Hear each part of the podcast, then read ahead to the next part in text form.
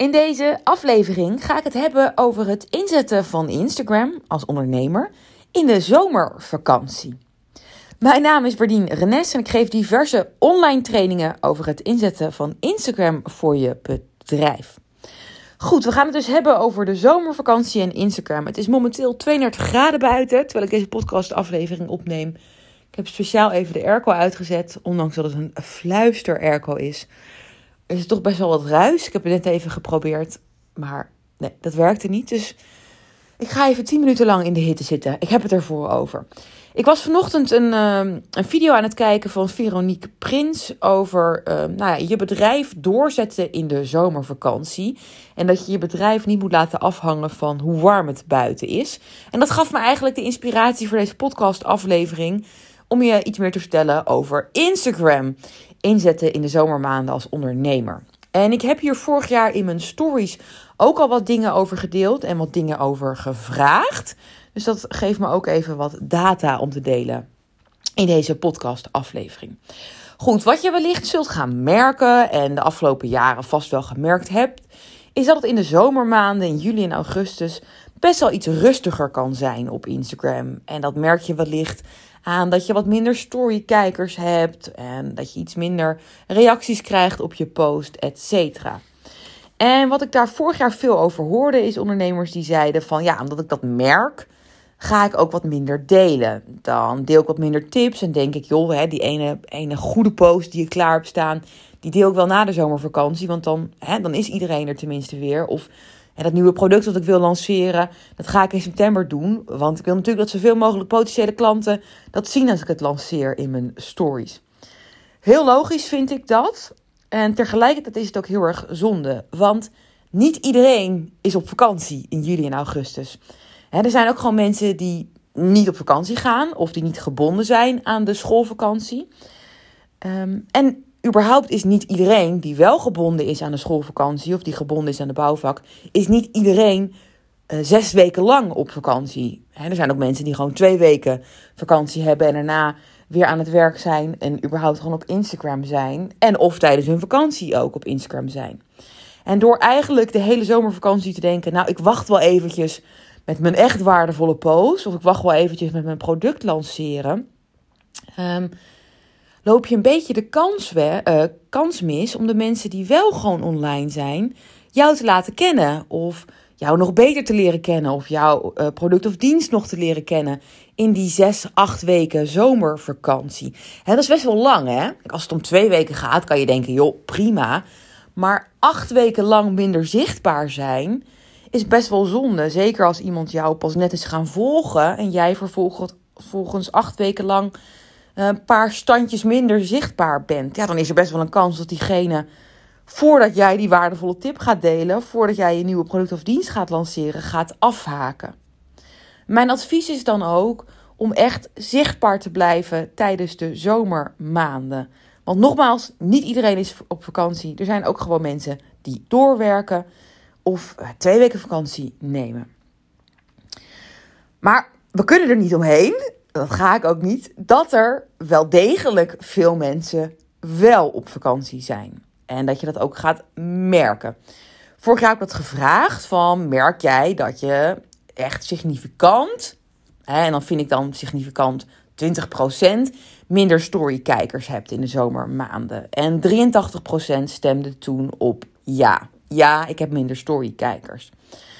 En logischerwijs, als je dan denkt, nou, ik heb nu echt hele goede stories geplaatst, of ik heb een hele goede post geplaatst, kan je natuurlijk wel denken, ja, het is wel heel erg zonde, want een heel groot gedeelte of een gedeelte ziet dit nu niet, die hier normaal wel bij zou aanslaan.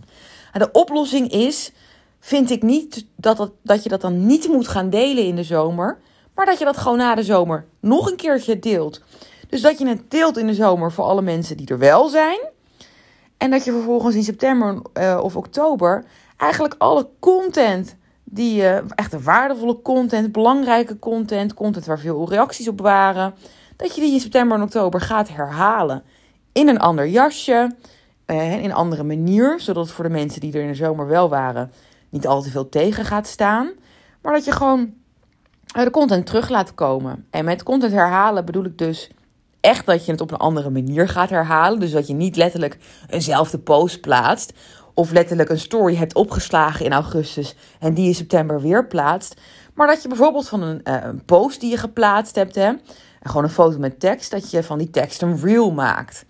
Of dat je een carousel hebt geplaatst, hè, meerdere sheets achter elkaar, dat je daar een reel van gaat maken. Of dat je van een story waarin je een tip pratend deelde, even een, een, een fotostory maakt met dat tekst erin. Dus op een andere manier je content gaat herhalen. Goed, dan komen we bij het volgende punt. Ehm, wat als je zelf vakantie hebt in de zomermaanden? Moet je dan tijdens je vakantie zichtbaar zijn? En mijn antwoord daarop is misschien niet het antwoord wat een business coach je zou geven. Mijn antwoord daarop is nee, je hoeft tijdens je vakantie niet zichtbaar te zijn. Alsjeblieft niet. Want ik vind echt dat als je tijdens je vakantie, als je zelfs tijdens je vakantie nog het gevoel hebt dat je zichtbaar moet zijn, wanneer heb je dan echt vrij? Kijk, natuurlijk is het zo dat het voor je bedrijf uh, hartstikke goed is als je elke dag zichtbaar bent. Um, maar dat betekent ook, als je op een goede, slimme manier zichtbaar bent, daar vervolgens ook reacties op komen, er vragen op komen, er inboxberichten komen. En dat betekent dat je vervolgens, als je tijdens je vakantie ook zichtbaar bent, je tijdens je vakantie DM's aan het uh, beantwoorden bent, vragen aan het beantwoorden bent. Ja, en dat is gewoon geen vakantie. Ik denk, maar goed, ik zeg het al, ik denk, dat is dus mijn mening, um, dat je je bedrijf er uiteindelijk een plezier mee doet door uh, dat als je vakantie hebt, je ook echt vakantie neemt van zichtbaar zijn. Uh, dus stel jij gaat twee weken naar Italië toe, dat je ook gewoon twee weken lang geen post op Instagram uh, inplant en geen stories plaatst, dan ben je er gewoon niet. En nogmaals, wellicht klinkt het raar hè, uit mijn mond van hoe kan je nou aanraden om niet zichtbaar te zijn?